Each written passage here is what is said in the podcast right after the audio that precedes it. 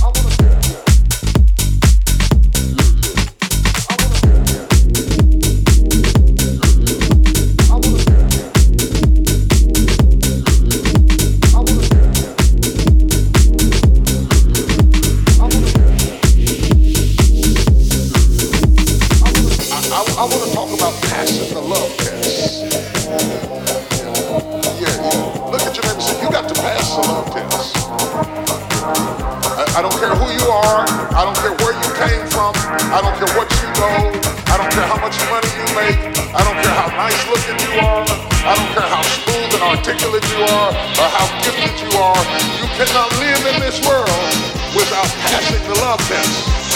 At least you gotta take it. You might not pass it, but you sure God got to take it sooner or later. Your love will be tested.